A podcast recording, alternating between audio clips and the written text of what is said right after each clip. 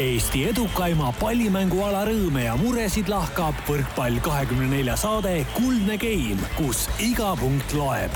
taustajõuna hoiab mängul hoogus ees Kredit kakskümmend neli tere, head kuulajad, on kolmapäev, kahe tuhande kahekümne esimese aasta kaheksateistkümnes august. kuldne Game naaseb pausilt ja läheb eetrisse saatesarja saja seitsmenda osaga.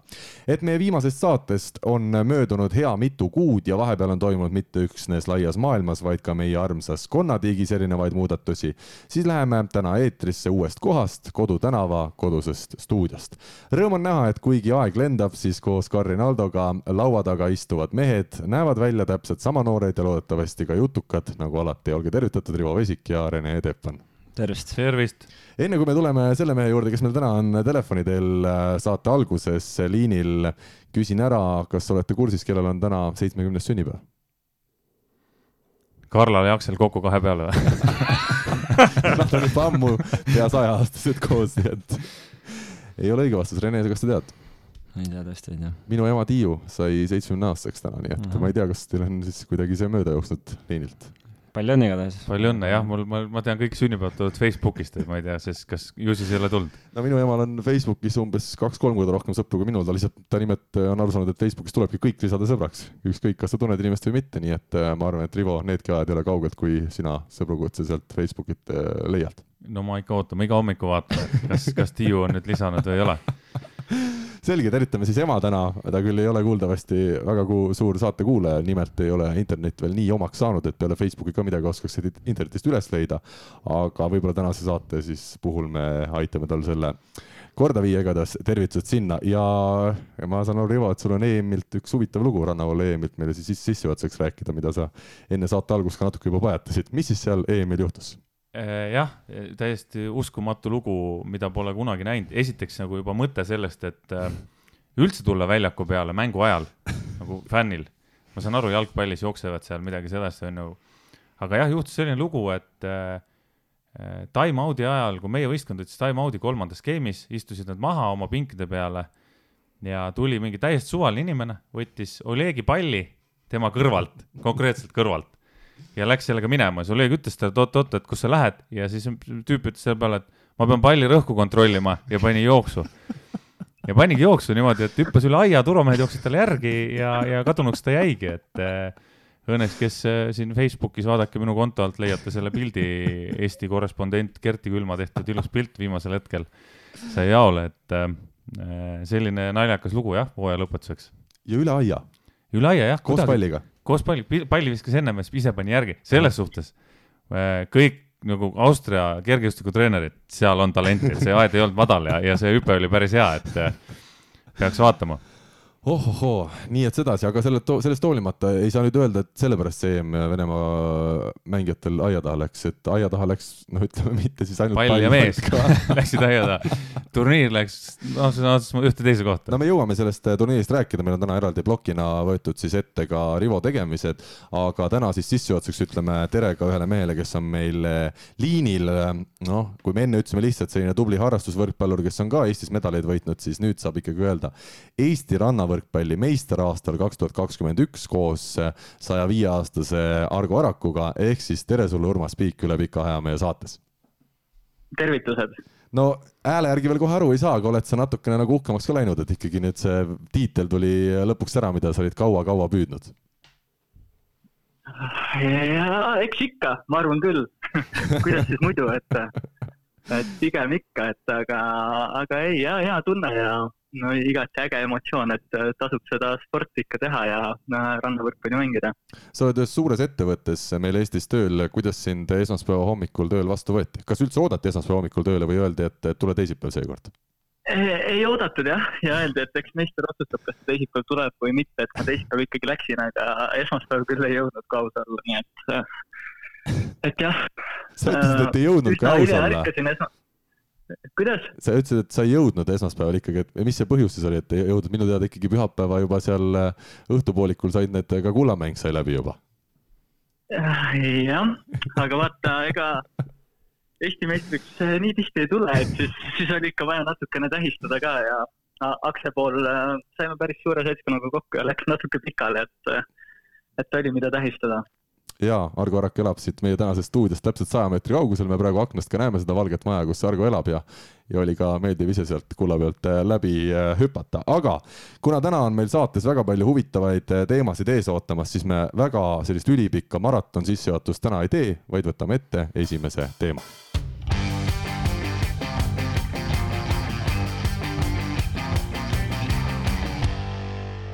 ja tänast saadet alustame seoses Urmase kohaloluga ma ütlen lihtsalt, et äh, Rene sai vahepeal oma kohvi kätte, mis siin sellest kohalikust väga heast kohvimasinast sai välja voolitud minu poolt ja, ja kuidagi. ma juba igatsen seda Manta maja taga, ausõna no igatahes me räägime täna rannavõrkpallist ja, ja esmalt siis tuleme Euroopa meistrivõistluste poole ja tuleme just Eesti vaatenurgast Euroopa meistrivõistluste poole. Kusti Nõlvak, Mart Tiisaar äh, mängisid siis Euroopa meistrivõistlustel, pääsesid kahekümne nelja parema hulka, alistasid seal ühe, ütleme, maailma edetabelis sarnasel kohal paikleva äh, Itaalia duo kahekümne nelja seas, andsid veel päris kõva lahingu Hollandi duole Dormans ja Kroot, aga lõpuks ikkagi kaotasid kohtumise null-kaks ja lõpuks siis hollandlased jõudsid finaali, kus kaotasid üks-kaks kaks äh, norralastele, Andres Mollile ja Kristjan Sorummile.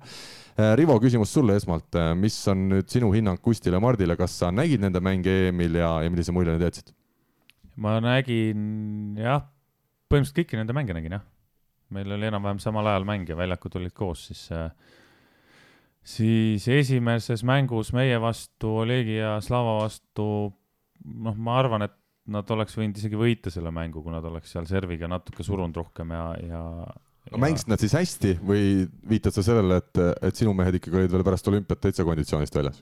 ei olnud konditsioonist väljas, neil on peas kinni kõik asjad, et äh, nad ei, nad väga ei tahtnud seal mängida, seal osaleda üldse, nad tahtsid ära ju jätta selle turniiri, aga alaliit nagu sundis neid, et siis äh, siis nad tegid oma osa nii hästi ära, kui nad suutsid sellel hetkel, äh, noh, mis minu jaoks oli tegelikult sügav pettumus, aga see selleks. Mart ja Kusti mängisid hästi Kusti kusjuures mängis äh, rünnakul väga hästi. niimoodi, et meie alustasime Kusti pealt ja läksime üle Mardi peale, et äh, Mardiga oli võib-olla Olegil natukene lihtsam seal mürgeldada, et kas see siis võib tähendada seda, et me võime ikkagi kiita Kustit ja Marti, et noh, me oleme neid nii vähe näinud tipptasemel turniiridel see viimase, ütleme aasta pooleteise juures mängimas, et nad ikkagi on arengu edasi teinud või ühe turniiri põhjal on seda vähe öelda? Ühe turniiri peal on seda vähe öelda ja ma ütlengi, nagu ma ütlesin eile vist seal intervjuus ka, et et rahvusvahelisi turniire on vaja rohkem mängida, et siis sa saad täpselt aru, mis tegelikult on ja kas on see areng või ei ole, sest täna mina ütlen päris ausalt, et mina nagu eelmise aastaga võrreldes väga suurt arengut ei näinud. Kusti side-out oli parem, aga mida ta paremini tegi seal rünnakul siis? nagu lahendusi oli natuke rohkem, et äh, kui siin paar aastat tagasi oli tal üsna ühekülgsed need lahendused, siis seekord oli ikkagi nagu kõike, et ta lõi piiri, ta lõi diagonaali, koksas igale poole, tegi. ja samas ma ütlen, et sellel turniiril vähemalt oli Mardi side-out kehvem, kui ma olen harjunud nägema või Mardi rünnak, on ju. kas see hakkas vastuvõtust pihta? Äh, vastuvõtust ka jah vast jah, ilmselt küll, ma nii, neid nii täpselt ei jälginud, aga, aga vastuvõtu pealeminek oli minu arust sihuke ebastabiilne, et küll ta ükskord läks vara, teinekord jäi natuke hiljaks, tõstekõrgused ka kõikusid seal, et aga, aga ilmselt ta vastuvõtust hakkas jah. Äh, serv oli hea, plokk oli okei okay,, kaitse oli okei okay,, et äh, aga, aga suurt sammu nagu täna nad veel edasi teinud ei ole, jah Urmas, sina oled ka rannavõrkpalli maailmas toimuvat jälginud äh, huviga, millise mulje sinule meie esipaari tegutsemine jättis? Äh, sümpaatse mulje, et õnnestus ka kõiki mänge näha, et äh, selles suhtes mul, mul on tunne, et sellest stabiilsusest jääb ikka maailma nii-öelda tipuga võrreldes puudu, et mängisid kohati, kohati väga ilusalt, aga siis tuleb niisugune kolm, isegi neli punkti arusaamatust ja, ja sellel tasemel tihtilugu ongi siis juba, juba see game otsustatud et mul on äh, Mardi ja Kusti mänge nagu jälgides huvitav asi silma jäänud, et äh, kui Kusti on enesekindel ja niisuguses heas hoos, et siis nad võivad äh, nii-öelda maailma tippe seal hammustada ka. aga, aga jah, et just nagu Kusti tege-, te tegevusest oleneb hästi palju, kuidas neil läheb, et ta pigem justkui peaks olema äkki selle meeskonna liider, kes mm, -hmm. kes teeb nagu, noh, mingid mängud, kus ma olen näinud, et Kusti teeb mingeid imeasju, et äh, lahendab teisi palle, annab näppudega esimese kohe üle, saab punktiks, et siis kui Kusti sellises sõiduvees on, et siis, siis ma olen täheldanud, et äh, nad võivad äh, väga hästi mängida. et jah, sihuke, sihukene tähelepanek ka euroopakatelt samamoodi, et Kusti oli tegelikult väga hea ja, ja oli päris hästi mängus ka no Kusti tegelikult ju päris palju harrastab seda mitte päris tavapärast võrkpalli, mida me harjunud oleme nägema, kus tõesti neid üllatavaid käike vastaste suunas proovitakse teha. kui palju neid nüüd EM-il ette tuli ja kui palju, Rivo, see sinu hinnangul, kui palju seda saab teha ja kui palju seda peab tegema ja kuidas sa üleüldse sellele mängustiilile otsa vaatad? Äh, ei noh, mängustiil on igalühel erinev, selles suhtes äh, seda nagu hukka mõista ei saa, kas neid peab tegema või ei pea tegema, eks ta ole eks ta ole niisugune küsimuse koht, et EM-il oli neid üsna vähe, äh, seda itaallastega mängu ma muidugi nägin vähem ka, aga teistes mängudes oli neid üsna vähe. et mängiti siis natukene klassikalisemat rannavõrkpalli mängiti natuke klassikalisemat rannavõrkpalli, et ega see noh, ega see trikipunkt sulle rohkem midagi ei anna selles suhtes, et samas selle, selle risk on jälle nii palju suurem et mina isiklikult ei näe, et see tooks nagu väga palju kasu. Et mingites hetkedes, ma just rääkisin ühe Poola treeneriga ka, äh, Kusti ja Mardi mängust, ja ta küsis minu käest, nad, nad valmistasid nende vastu ette mingil turniiril, mängisid nende vastu, siis ta küsis minu käest, et aga miks nad seda teevad? et on näha, et mingites hetkedes nad lihtsalt annavad punkti ära tänu sellele, et nad tahavad teha mingit trikki siis ma ütlesin, et ma ei tea, noh, et see on nende mängustiil ja nii on ja, ja nii ongi. ja siis tema arvas küll, et sellise, sellise tegelikult äh, noh, Kusti rünnakul on hästi palju variante, on ju, kaitse või kaitseplokk on neil hea, et sellisel võistkonnal tegelikult ei oleks mõtet nii palju riskida sellistes situatsioonides, et pigem võtta see kolme puutega see punkt ära, kui hakata näppudega esimest üle mängima, et ja mulle ka kusjuures, noh, mulle väga meeldib see, see, et sa proovid üllatada vastasmängijaid, et see mäng on natukene huvitavam mitmekülgsem kõrvaltvaatajana. aga teisalt, kui ma vaatan, kuidas nad lahendavad äh, nii-öelda kolmeks mängides neid palle, et neil on see kvaliteet ju olemas mõlemal mängijal ka tõste näol, et on osasid paare, kus see ühel mängijal tõste ei ole väga korrektne, et siis võib-olla hakkad mõtlema, aga, aga nendel on ju mõlemal tehnilised äh, asjad paigas, et nad suudavad väga hästi ennast kolme puutega rünnakule viia ja, ja absoluutselt, see ja selles ongi nagu vahepeal tekibki see küsimus, et kas peab nagu üle mängima seda esimest palli sinna teisele poole, hea küll, kui sul on võimalus võtta kindlalt punkte, on ju, tee. aga e-, üldiselt seda punkti sealt kindlalt kätte ei saa, sest äh, tänapäeval on, on kõik nii kiired ja loevad mängu nii hästi, et seda on, seda on üsna raske teha. Urmas, kuidas sina sellesse suhtud? mu kommentaari mõte oli ka pigem see, et nagu kui Kusti siukseid asju teeb, et siis on näha, et ta on sõidukäik ja ta naudib seda, et kas nagu, kas see on õige ma pole ka päris kindel, et needsamad poolakad, äh, Kantor Losiak, eks olid ka päris kõvad, äh, kõvad tembutajad, et minu arust nemad on ka selgelt nagu tagasi tõmmanud ja see on tulemustest pigem positiivselt mõjunud, et äh, et, et ega väga vist siukseid, siukseid tembutajaid seal MK nagu esiotsas ei ole, et samamoodi vaadata vene poisse või norrakaid, et üsna lihtne mäng tegelikult pealt vaadates mm.. aga selle, selle kohta, Urmas, poolakate kohta on üks asi, nad lihtsalt ei jaksa enam, neil on vanus on nii palju peal, et kui see Losiak veel kaitsemängija jaksab joosta ja teha seal igast kiireid ja tõusvaid asju, siis Kantori peale, kui tema peale nagu kindlalt mängida kogu aeg, siis ta lihtsalt mingi hetk ei jaksa, ta hakkab eksima ja mm -hmm. nad on läinud nagu selle poole pealt natuke klassikalisemaks, jah.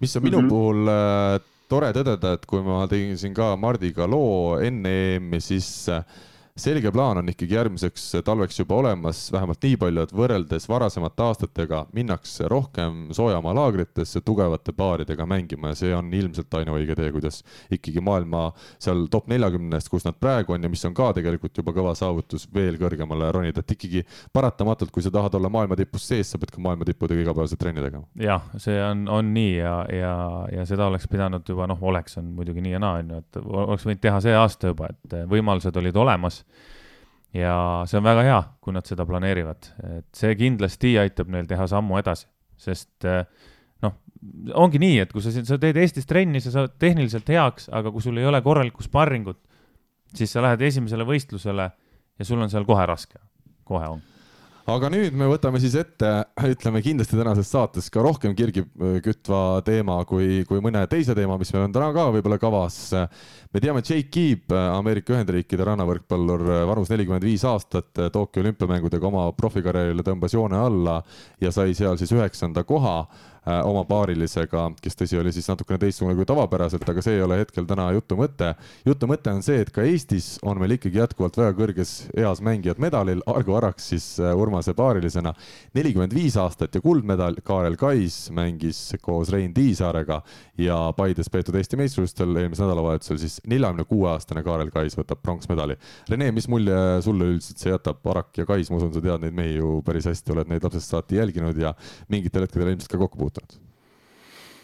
Nojah, ütleme kaks erineva stiiliga mängijat võib-olla, et Akse on pigem sihuke, sihuke kavalpea ja plokis hea ajastaja, et Fiska on tal selline, nagu ta on juba ammustest aegadest, aga, aga oskab nagu kavalalt ära kasutada kõike, et pigem Kaarel on olnud sihuke füüsiline mängija ja võib-olla mitte nii osav, aga just füüsiline, et, et, et siin Eestis sellest füüsisest selgelt on piisanud aastast aastasse, et ju ta siis hoiab ennast jõusaalis ka vormis ikkagi endiselt ja, ja ei no põnev, noh, mis ma oskan öelda. teisest küljest jah, ma ei, ma ei oska öelda, et jah, Marti Kustit ei olnud ja, ja, ja, ja kas Dima. Dima oli. Dima, Dima. Dima, Dima oli ühe suvalise mehega mängis. okei, okei, okei, okei.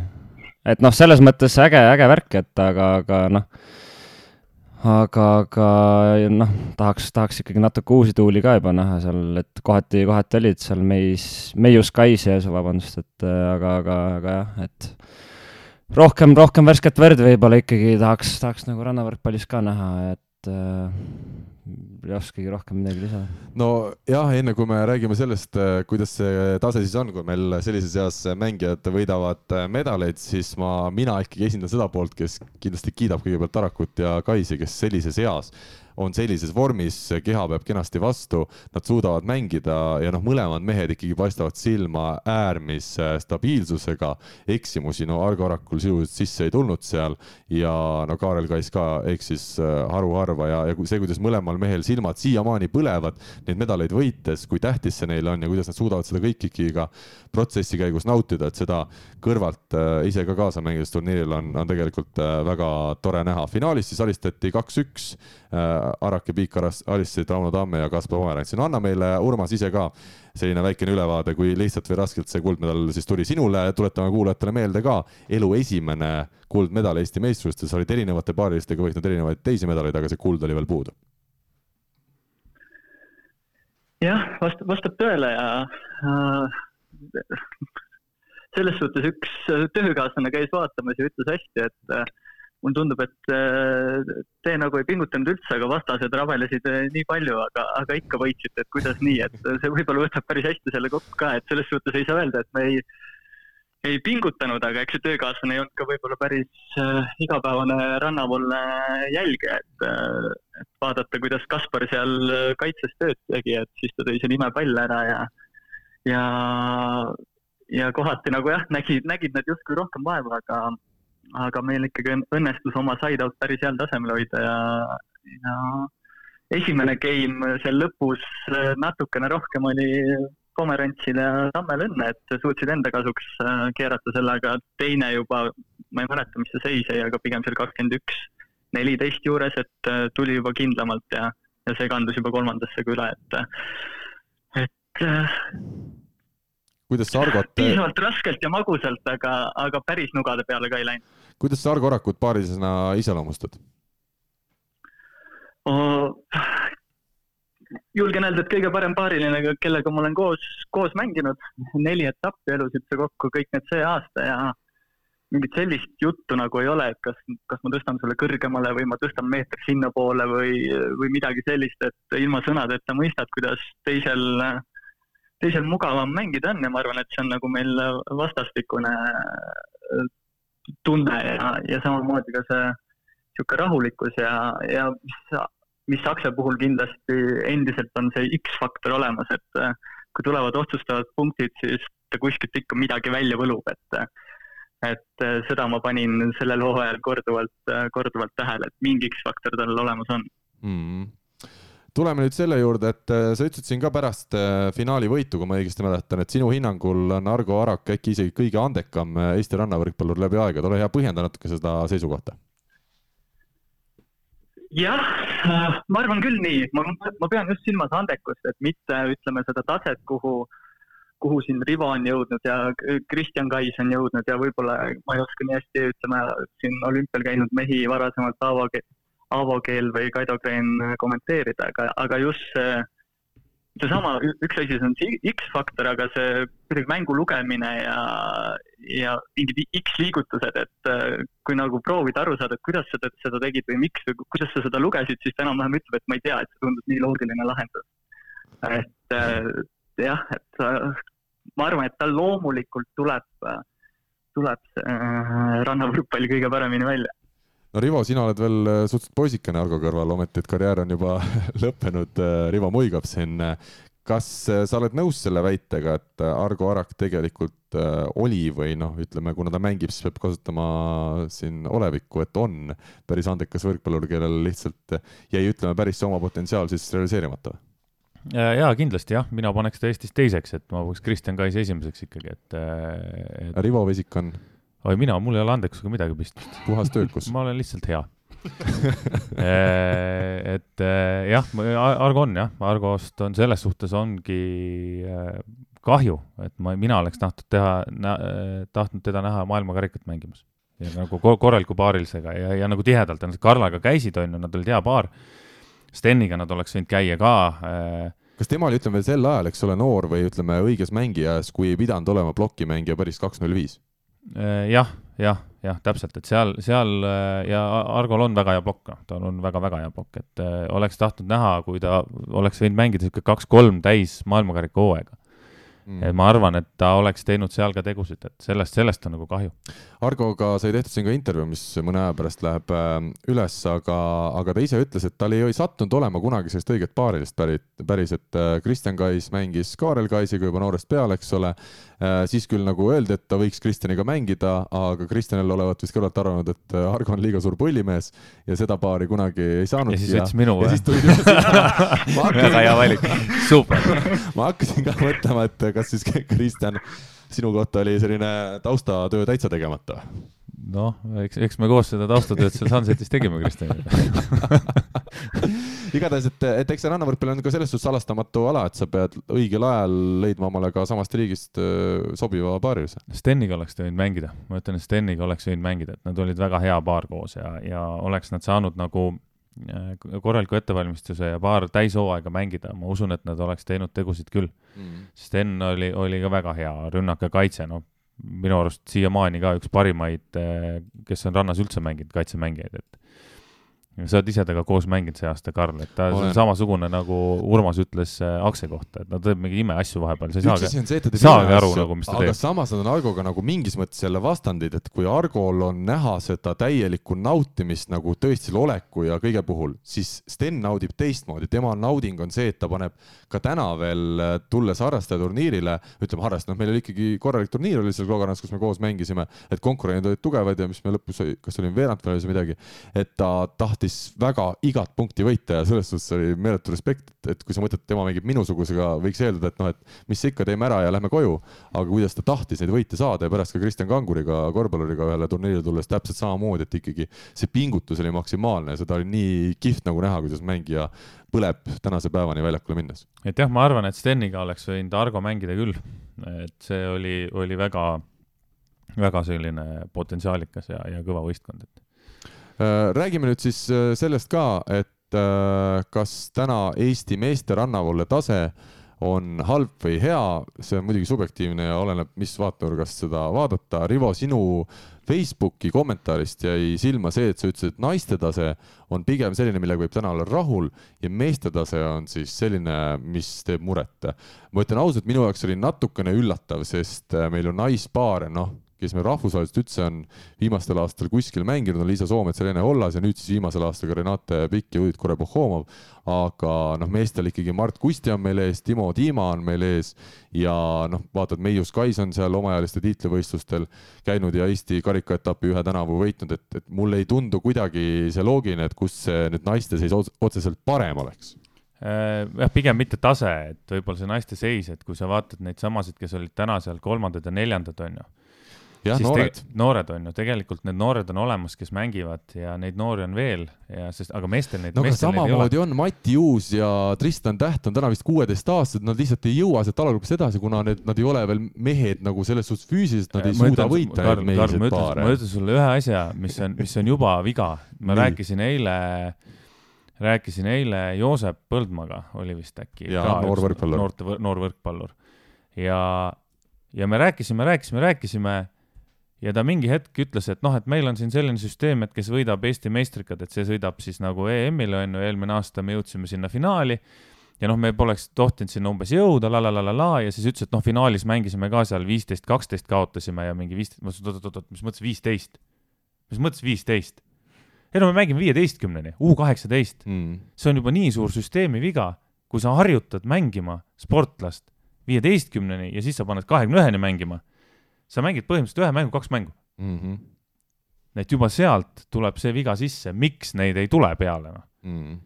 sest no aga kas sa ei ole ikkagi nõus, noh, ühtpidi ma ütlen, minul äh, suur rõõm, et meil naistel pääsesidki nüüd mitte need enam need ülikogenud mängijad, kes ütleme sisuliselt trenni enam ei teegi medalile, vaid pääsesidki Liisa-Lotte Jürgenson, Laura-Liisa Maiste, kes selles väga huvitavas pronksi mängus kolmandas game'is dramaatiliselt kaheksateist, kuusteist alistasid siis kuueteistaastased veel Carlotta Katta ja Grete Jürgensoni.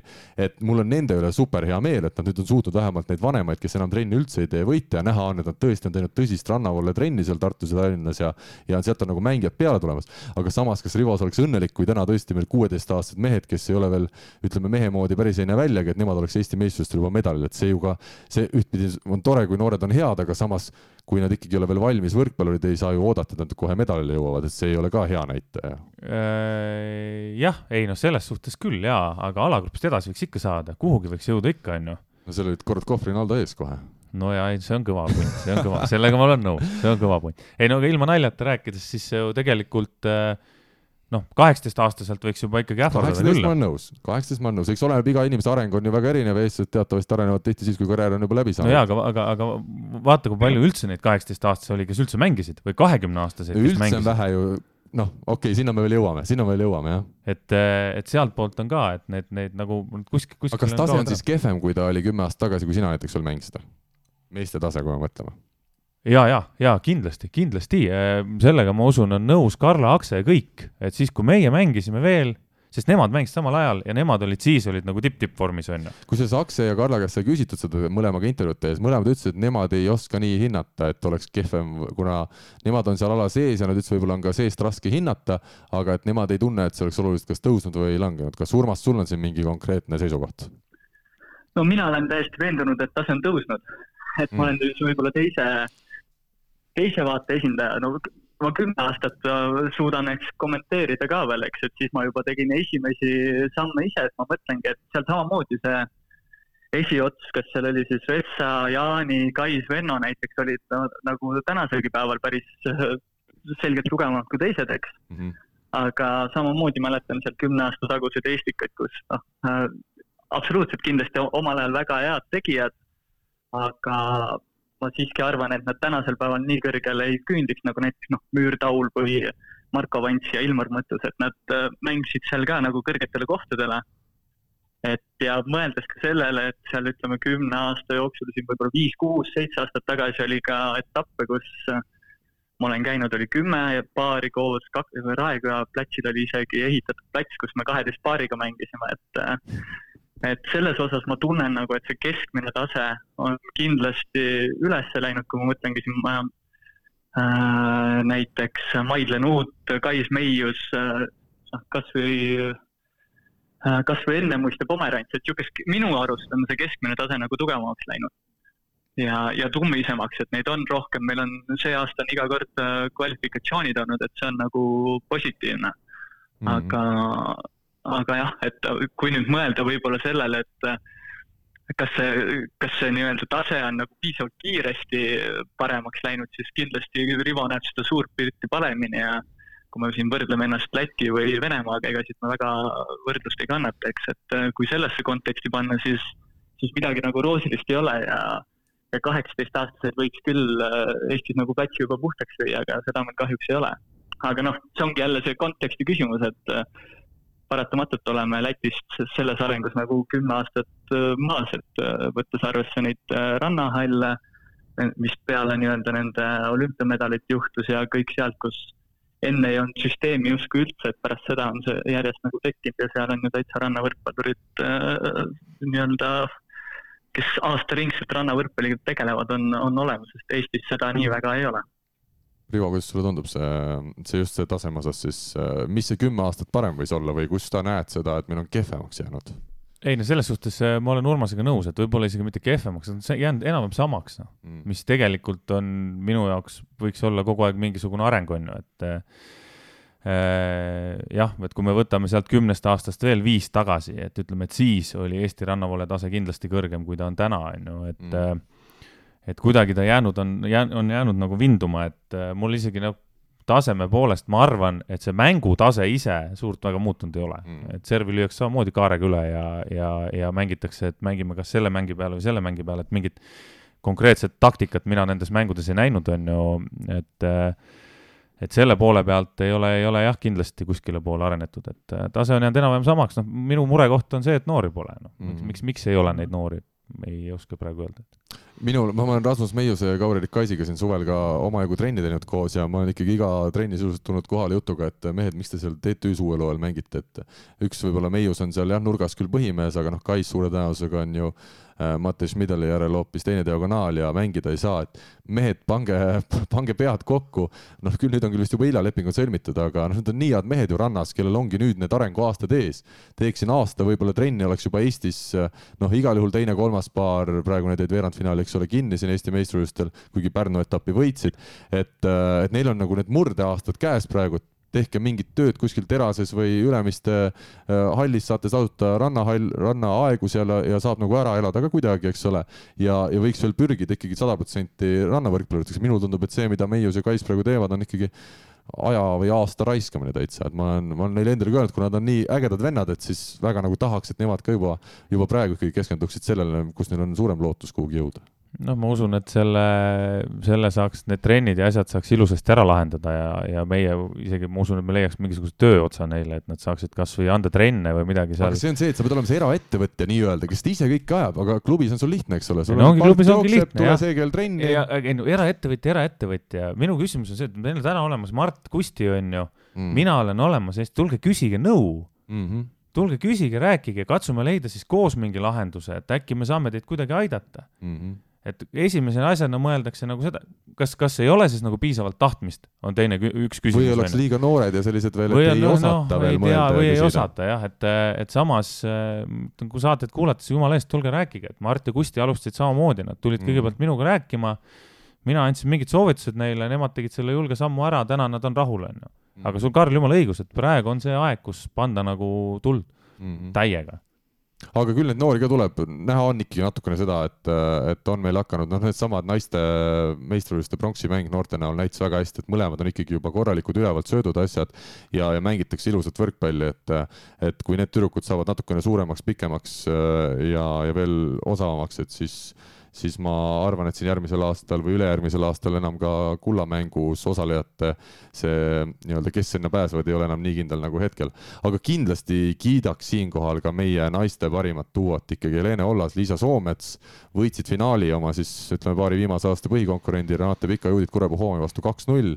Esimene game kakskümmend üks, kaheksateist, teine juba kakskümmend üks, üksteist ja noh, näha on, kuidas paari kuuga on teinud Soomets Ollas meeletu arengu edasi, kuidas Liisa lööb siin tugevat hüppelt pallingut, mida me Eesti naiste rannavõrkpallis pole ju pea üldse näinud ja noh, Helene on ka selgelt paremaks läinud, nad on öelnud, et see MK-etapi võit ja see kuu aega juulikuus väljas võistlemine andis lihtsalt nii palju juurde kõik. absoluutselt, aga nii see ongi, nii mm., nii see ongi, nii see, nii see lähebki, et see on, see on täiesti loomulik arengu osa, et mul mul on nagu küsimus pigem selle Juditi ja Renate kohta, et nende mäng ei näinud isegi mitte lähe-, ligilähedane välja sellele, mis ta oli eelmine aasta et äh, kuidagi kuskilt on nagu midagi logisema läinud, et juba seesama, kui veerandfinaalis napilt-napilt võideti Neiland Meritit, on ju. Neiland Erit, jah, jah.. Eritit jah, kes teevad, kes teevad trenni kaks korda nädalas põhimõtteliselt. no füüsilist ka, on ju, aga pallitrenni kaks, kaks maksimum kolm korda nädalas, aga seda terve talve mm.. ja noh, nagu ma sulle, Karl, ütlesin ka eile, et minu arust selle, nende mäng Neil and eriti mäng oli rannavõrkpalli mõistes loogilisem kui vastaste mäng mm. -hmm. mis on nagu minu jaoks küsimärk, et kui võistkond, kes tahab, kes tahab hakata professionaaliks või on professionaal selles suhtes, on noh, kus, kuskilt on midagi valesti, et mm..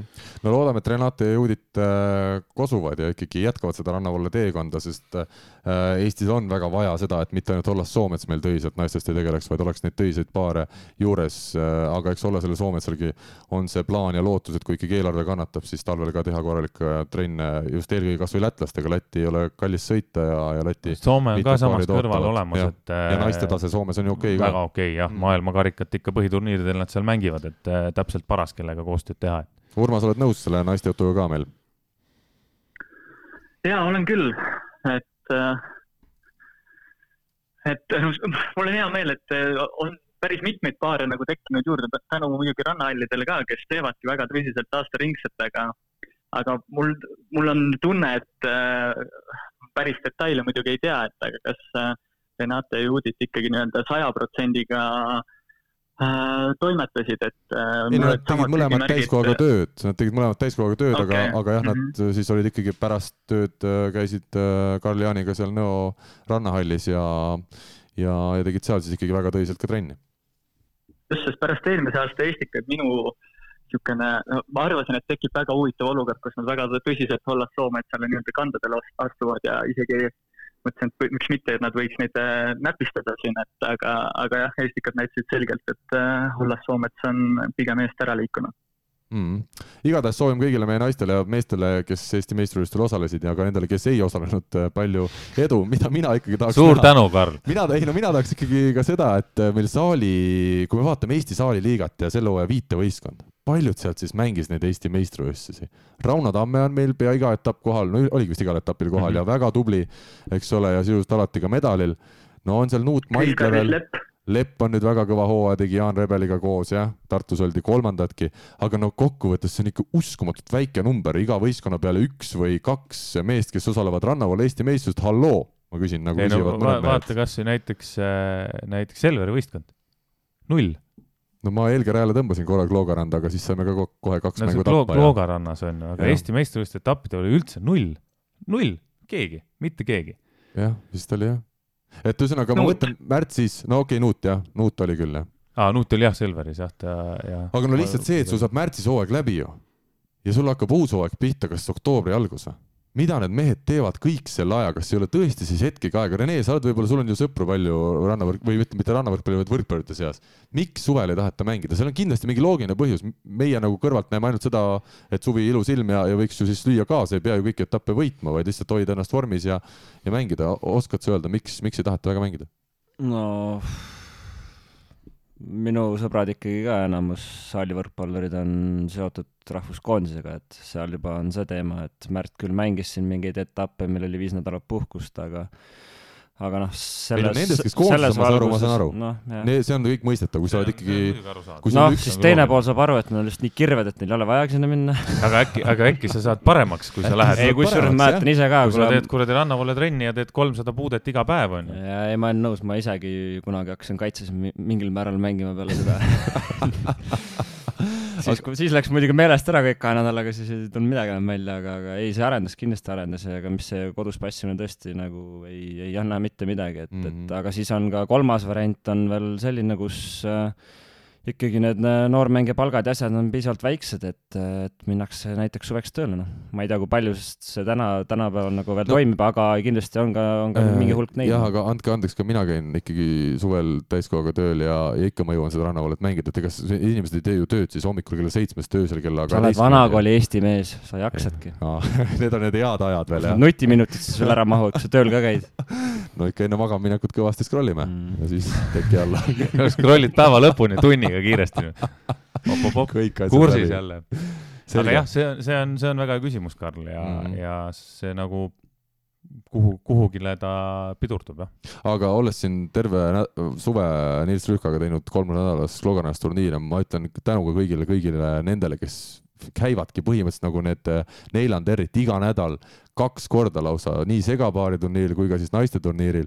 alati on kohal ja mängivad ja tahavad veel mängida, et võimalikult pikad oleksid mängud, et saaks võimalikult palju seda, neid puuteid jälle kätte, et see on, Eestis on tekkimas selline rannavoole buum ikkagi, ma tunnen, et neid inimesi, kes tahavad just rannavoolele keskenduda, on üha rohkem ja seda on lahe näha. kuuldavasti Urmas ka sügisel enam saali ei kipu jah, aitab küll, et äh, selle esiliiga mängimisest, et äh, nüüd on aeg siis äh, aastaringselt äh, liiva peal mängida. seda juttu, Urmas, me oleme sinu käest juba kuulnud mingi viis aastat seda küll, seda küll, aga nüüd ma teen ära ka ja äh, tahaks, tahaks näha, et oleks siis kevade tulekul natukene osavam ja parem ka, kui, kui siiani olnud, et ma arvan, et siin Akse ja Karla pealt vaadates annab areneda küll, sest äh, üks huvitav asi, mis mul enne jäi mainimata, et minu arust need nii Akse kui Karla mängivad täna paremini kui viis aastat tagasi, et äh, ma ei tea, kas nad ise on sellega nõus, aga mina olen niisugust asja täheldanud ja see on päris huvitav, et millal, millal see langus hakkab tulema siis, et mingi nõks neil mõlemal käis seal neljakümnendate juures ära, kus ma mäletan selgesti, et arutasin, et okei okay,, et kas Karla ja Aksa aeg on äh, läbi, aga tühjagi, et läksid ainult paremaks jälle. selle asja nimi on keskeakriis osad, kes hakkavad, lähevad maratoni ja triatloni tegema ja siis osad hakkavad rohkem rannavõrkpalli mängima. No just. kuule, aga Urmas, ära hirmuta, kui sa hakkad nüüd veel tõsiselt ainult rannavõrkpallile keskenduma, mis siis järgmine aasta eesmärgid on, MK-sari ja ja, ja kõik muu või? ei, ma jään ikka Eesti piiridesse, et ma pole mitte kunagi elus Eestist väljaspool äh, rannavõrkpallis võistelnud, nii et. Äh, aga mine proovi ära Lätti praegu... kasvõi. no ühe korra oleme omal ajal Jaan Kulderiga Jurmast kohale sõitnud, aga turniirile jäi ära, et läksime veekeskusesse hoopis asi seegi. Ütleme, kui Rival oli siin saate alguses lugu sellest, kuidas üks vend viis palli minema EM-il, siis ma ütlen, et see lugu kahvatus hetkel selle loo kõrval, kui kaks Eesti meest lähevad töiste mõtetega Jurmalasse MK-etapile ja lõpetavad veepargis. See vist päris MK-etapp ei olnud, aga no Läti kohalik, aga no siiski. Vähemalt tuli meelde ja ma tean, Jurmalas on tore veepark, aga üks asi on veel klaarimata, Rene, meil jäigi suvel tegemata see kaks-kaks rannavoole turniir, kus me oleksime Rivole ja Andresele teinud kaks-null noh, jah Rene kuidagi ei taha vastata, et. las jääb, las, las see jääb sinna, kus ta oli vaata, et keegi väga ei tahtnud seda teha, jah. Rene ei tule. no jäi ära, jäi ära. järgmine suvi järgmine suvi ja,. jah, jah, kindlalt, kindlalt, järgmine suvi kindlalt teeme ära. Urmas, me täname sind, et sa aitasid meid välja vedada siin Rannavoole äh, plokis. me teame, et sul on tavatöö ka ja tuleb nüüd suk sukelduda järgmise koosoleku peale. suur tänu sulle, palju õnne veel kord Eesti meistrite puhul ja tervita aktsiat, kui jälle näed. Davai, tänud teile, edu. tšau, palju õnne. tänud kas Eesti murrab Euroopa tipud? võrkpalli Euroopa meistrivõistluste finaalturniiril lüüakse pall maha. kes võidab keda? kas sina oskad ennustada seda? spordiennustus portaalis Pahv. Pahv lööb pahviks. ja hea meel on tõdeda, et Pahv on äh, tulnud äh, tagasi meie toetajate hulka. mäletame, kui me selle saate mõned aastad tagasi käima tõmbasime, siis just Pahv oli üks meie peamistest toetajatest ja nüüd siis äh, Euroopa meistrivõistlused on ees ootamas, kodused ja Pahviga uus koostöö ja sellega seoses siis eraldi rubriik äh, ja meil siin saate põhitegijatel siis iganädalaselt tuleb nüüd natukene tegeleda ennustamisega. kakssada eurot mänguraha on meile kõigile antud, küll sedasi ütleme siis virtuaalselt, päris miljonäriks meist keegi ei saa, Rivo niikuinii ei saa, ma arvan, et siin esimese nädalaga juba suur summa läinud, aga kakssada eurot ja me võtame siis ette eeloleval nädalal ükskõik milliseid spordisündmusi mida hetkel siis Pahv meile saate ajal pakub ennustamiseks ja Rene, ma saan aru, et äh, sinul on juba esimesed valikud tehtud, kakssada eurot siis kõigil meestel ja kuni kolmkümmend eurot saab ühes saates siis mängu panna, nii et päris esimese saatega nulli ennast ei tõmbaks. midagi huvitavat oli sul juba plaanis? mul on plaanis jah kuna Nii. võrkpalli koefitsiendid tihtipeale lihtsalt mängu võidu peale, eriti jalagrupi faasis, kus võib-olla tasemevahed on suuremad, et äh, siis, siis lihtsalt võidu peale ma hetkel ei panegi et ma lähen pigem sellise äh, seisu peale mängima hetkel. nii, see on nii. kohe näha, et äh, kogenud ennustajaga on tegu siin. meie Rivoga saime vaevu aru, et kuidas, kuidas asi käib, aga siin on spetsialist, nii. nii, ma teen esimese pakkumise sellise, et äh, Holland võidab kolm-null Ukrainat avamängus. ja koefitsiendiks on üks koma, üks koma kuus. üks koma kuus ja mitu eurot sa selle peale paned? panen selle peale kakskümmend eurot. assaraks. oh sa, nüüd läks kohe läks lahmimiseks. siit Jeesus, ma loodan, et Pahv ikkagi jätkub tegev-, jätkab tegevust meie, meie, meie siis äh, Rene suurepäraste võitude järel ja sul oli teine ennustus oli Soome ja Rootsiga seoses. jaa. nii et jälle naiste EM. no jälle naiste EM, jällegi, jällegi seisu peale ja panen äh, selle, et äh, Soome võtab äh, Rootsilt game'i, Soome võtab Rootsilt game'i ja koefitsient oli üks koma viiskümmend kuus, ma vaatasin. just. ja mitu eurot sinna läheb, kuni kümme võid nüüd panna. no siis lähebki kümme. All in ikka. kas teeme ka nii, et kui keegi saab päris läheb nulli, siis on ka saate ju kõik, et see on nagu selline ellujäämismäng no sul on varsti läbi siis ju. hääletatakse välja. ma lähen ise vabatahtlikult kohe ära. äh,. väga hea.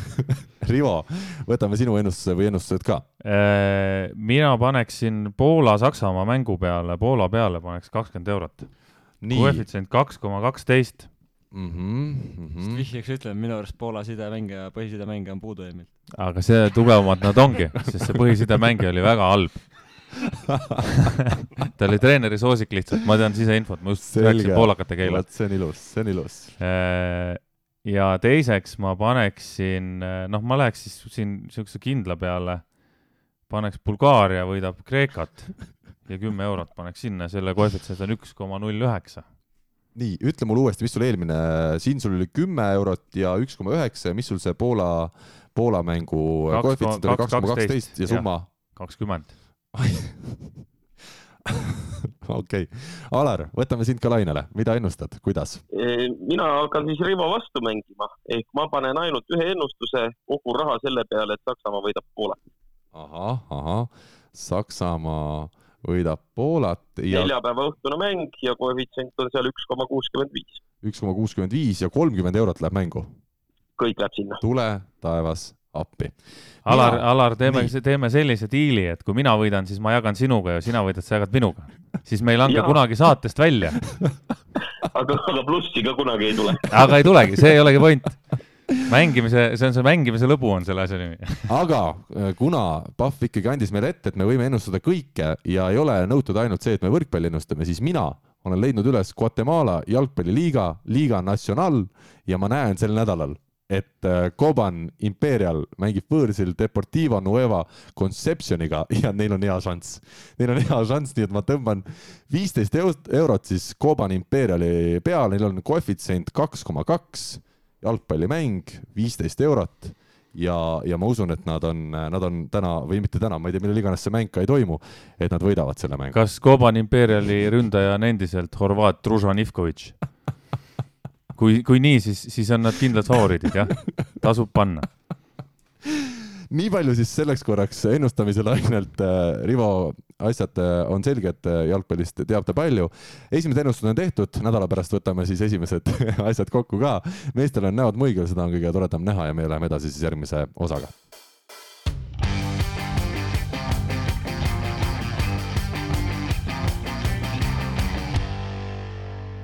Eesti koondise avamänguni kodusel Euroopa meistrivõistluste finaalturniiril on tänase seisuga jäänud siis täpselt kaks nädalat.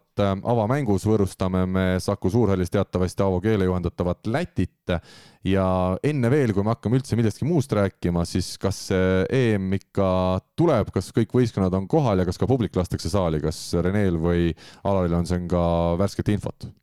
No mul on nii palju infot või, või jah, et äh, siin Hanno käis, käis saalis üleeile ja väitis, et hetkeolukorras kõik toimib nii-öelda tavapäraselt, et äh, mingisuguseid otseseid piiranguid hetkel ei ole ja ja ma sain aru, et, et äh, testimispunkt tuleb sinna saali juurde ja selles mõttes kõik on nagu läbimõeldud ja, ja peaks, peaks nagu käiku minema. Äll võib-olla parandab või, või on tal lisada midagi, ma ei, rohkem mul ei ole infot, jah. Alaril kindlasti alati midagi lisada. alati lisan, et ega sada protsenti kindlust ju pole, võivad meil tulla valitsuselt täiendavad juhised, aga hetkeseisuga kõik võistkonnad treenivad selle nimel, et see toimub. selles ma üldse ei kahtle ja usutavasti ka publikut lihtsalt, kas pannakse mingisugune piirang või lubatakse ka täismaja, see on veel lahtine, aga nii nagu täna, tänasel päeval nende suuremate üritustega on, peab pealtvaataja ja ka osaleja olema vaktsineeritud või siis testitud. kuulge, aga ma tean, et kui kevadel teil kogu koondis käis test- või mitte testimas, vaid vaktsiini tegemas, siis mõned mängijad või võistkonna liikmed ju loobusid sellest, mis nendest nüüd saab? Äh, mis seal ikka saab, äh, neid inimesi, kes ei ole testitud nii mängijate kui staffi hulgas on tänase päevani. keda ei ole vaktsineeritud? lihtsalt, äh, kes vaktsineeritud ei ole jah, ja nad siis regulaarselt või teatud perioodi tagant käivad testi tegemas. et õnneks on meil täna olukord selline, et on tehtud nii PCR teste kui kiirteste ja seni on positiivselt negatiivsed olnud tulemused. Väga ilusti öeldud, no kõige tähtsam ikkagi see, et äh, publikule tuleb saali, sest noh, kõige hullem oleks olnud ilmselt see, kui Eesti saab esmakordselt suure pallimänguala finaalturniiri ja siis mängime tühjade tribüünide ees, et äh, täna on siis sõnum vähemalt optimistlik, et me saame mängida kodupubliku ees, kui suur asi see, Rene, sul on? No ilma selleta jah, ei tahaks küll masti maha tõmmata, aga suurt pointi otseselt ei näegi ausalt öeldes, et EM on tore asi ja kõik on lahe, aga eriti kui sa seda korraldada saad ja oma koduriigi rahvale niisugust elamust pakkuda, siis ja see sult käest ära võetakse või lihtsalt mingitel põhjustel jääb ära, siis ega see ju kuskilt otsast nii-öelda rõõmus värk ei ole, et kas, kas sa mängid tühjas saalis Saku Suurhallis või kuskil kuskil Tšehhis, ma arvan, suurt vahet ei ole, et äh, sellest oleks ääretult, ääretult kahju ja, ja kindlasti huviga ja lootus südames ootan, et, et asjad nagu laabuks ilmselgelt, et et saab päris põnev olukord olema üleüldse, kuna ega ju siin suve jooksul ka saalis rahvas ei ole käinud ja, ja ei tule ka treeningmängudele, et et pulsi, pulsi nii-öelda näitajaid tahaks näha meestel küll ennem mängu. Seal tahvli peal, et äh, päris, päris selline ootamatu olukord võib tekkida, et, et sul on viis tuhat järsku nüüd üle aasta aja saalis jälle ja, ja et see kindlasti lisab mingeid pingeid, aga, aga, aga ilmselgelt seda rahvast tahaks sinna saali. Rivo, enne kui me Eesti koondisest nüüd täpsemalt räägime, kas see ikkagi seda tiitlivõistluse väärtust ei kahanda kuidagi, et meil on olümpiamängud sisuliselt äsja selja taha jäänud, noh, teil rannavõrkpallis oli täiesti ju minu arust arulage see süsteem, sul saab olümpia läbi, sa põhimõtteliselt selleks, et jõuda EM-ile, sa pead juba enne finaalmängu ära lendama Tokyost, et noh, ütleme ülekantud mõttes, et äh, saalivõrkpallis sisuliselt sama Prantsusmaa, meie alagrupi kaaslane on tulnud olümpiavõitjaks kas neid mehi tõesti veel motiveerib miski nii kõvasti, nad tulevad Euroopa meistrivõistlustele ja pingutavad veel siin mitu nädalat, et veel üks tiitel võita? No siin on, äh, on näha, vaata Venemaal osad mängijad ütlesid ära, Mihhailov ütles ära, onju, ma saan aru, et see on ka Pet ka veel siin midagi mõtleb, et kas ta tuleb või ei tule, onju. et osadele kindlasti, osadele ta on kindlasti motivatsioon, osadele jälle ei ole. üldiselt ega, ega ta lihtne ei ole. noh, võrkpalluritel, meestel eriti jäi natuke pikem vahe sisse, rannas oli, oli ta ikkagi noh, näha, et kes suutis sundida, see suutis ja, ja teised lihtsalt põlesid läbi, onju. aga see äh, ilma publikuta mängimine olümpial, äh, kutid ütlesid nii, et poolfinaal ja finaal olid esimesed mängud, kus nagu oli mingisugune selline tunne, et nüüd on mingi turniir käimas. ülejäänud olid kõik nagu sõpruskohtumised yeah., mis äh, täiesti, noh, Oleg ütles ka, et täitsa ajuvaba, et ma läksin mängima, nagu ma ei mõelnud üldse, mitte kedagi ei ole ümberringi, mängid samade tüüpidega, keda sa kogu aeg oled näinud, onju. et, äh, et mingit pinget ja, ja atmosfääri ei olnud ja nüüd Austrias, kus oli EM, publikut täis, staadion täis aga ja... mis seal teistmoodi tehakse, ma ei ole nii suur koroonaspetsialist. Viinis siis kõigil olid need passid, pidid olema, et sisse pääseda? koroonapass iga päev kontrolliti, iga kahe päeva tagant pidid testi tegema ja, ja Eestis tuleb samamoodi, et ma rääkisin eile Hannoga, siis Hanno ütles, et antud hetkel on täismaja ja kõik on koroonapassi või, või testiga, nagu mm. Alar ütles, et Alar, kuidas nüüd sina suhtud sellesse, ma olen sinuga vist korra sel teemal rääkinud, sina nii pessimistlik ei ole, sina ütled, et prantslasi ka peaks huvitama ka Euroopa meistritiitel päris kõvasti. Äh, eks ta lõpuks ikka huvitab, et äh, kui sa juba siia kohale tuled, et kui me kuulsime, et venelastel jääb Mihhailov äh, maha EM-koondises ja neid kadusi mängijate näol võib olla mõnel teisel võistkonnal ka, et pikk suvi, mis algas siis hullumeelse maailmaliigaga, see viiendelli süsteem oli väga kurnav sel aastal, siis pane otsa kogu see olümpiamängude trall ja ettevalmistus selleks. ja nüüd siis kolmandaks suureks turniiriks ettevalmistus, et raske ta saab olema, aga kui me mõtleme kasvõi selle peale, et olümpiavõitja Prantsusmaa on meie alagrupis, siis ega kui nad juba Tallinnas kohal on, ega nad ühtegi mängu lõdvalt ei tule võtma, tulevad igat mängu ikkagi võitma, et see spordimehe hing lööb niikuinii välja. noh, pluss siis ka see, et eh, võrkpallis ikkagi seni on mängitud kas mullides või ilma publikuta nüüd lõpuks avaneb kõigil loodetavasti see võimalus, et sa saad sellise mõnusa, meeldiva atmosfääri ja selle hea vana võrkpallitunde tagasi ja see motiveerib igat mängijat individuaalselt, igat võistkonda ikkagi maksimaalselt no sa ütled küll, et võita, ma usun ka, et võita tahavad kõik, hoolimata sellest, mis seisus nad on ja, ja kus nad on, aga, aga ma ei usu seda, et Prantsusmaa koondis näiteks alagrupi turniiril mängib täiega, ma elu sees ei usu seda. no ma ei usu, et nad väga palju nüüd siin äh, mingisuguseid teisi koosseise hakkaks katsetama, võib-olla teatud mängudes, aga selge on ju see, et äh, kui mõelda lõpptulemuse peale, siis äh, kõik meie alagrupist edasisaajad lähevad kokku Tšehhis toimuva alagrupiga ja seal on päris tummised vastased. et kui nüüd puht reitinguid ja meeskondade nimekirju vaadata, siis meie alagrupi võitja saab päris korraliku eelise, kolm kõva vastast on teisest alagrupist tulemas, võitja saab neljanda ehk siis eeldatavalt kõige nõrgema. Ehk alagrupi võit on magus, kui mõelda siis selle peale, kuidas see turniir edasi hakkab kulgema.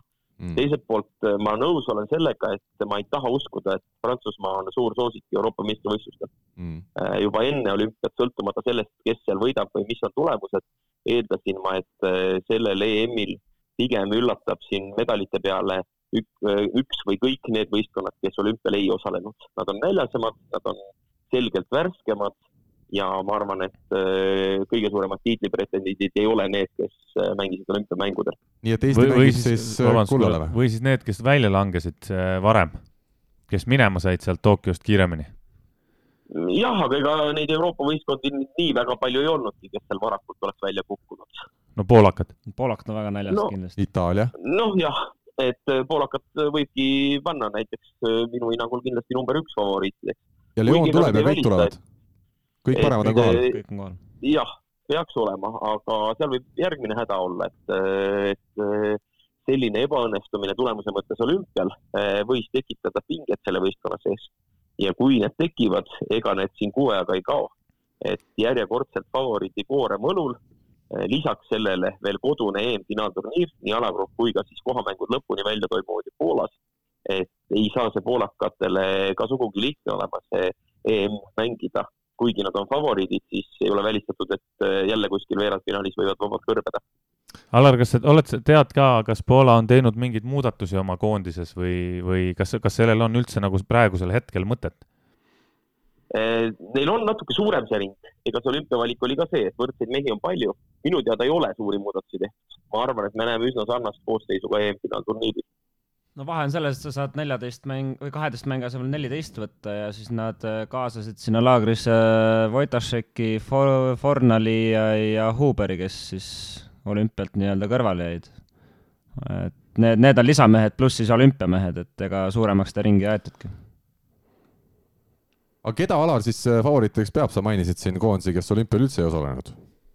no Sloveenia. kaks äh, endist Jugoslaavia riiki paneks ma kindlasti mm., Serbia ja Sloveenia. Sloveenia mängis väga ilusat võrkpalli juba viier-nelli turniiril ja nad on varemgi EM-il ju finaaligi välja purjetanud. ehk siis äh, nemad koos Serbiaga võiksid olla kaks sellist riiki, kes kes äh, kindlasti mängivad medalite peale siin. ja üks huvitav fakt ka vahele korra sinna, Sloveenia viimasest neljast mängust kolmel, kui ma ei eksi, Poolat võitnud, nii et kui nad jälle kuskil veerandis kokku saavad, siis saab pulli jälle.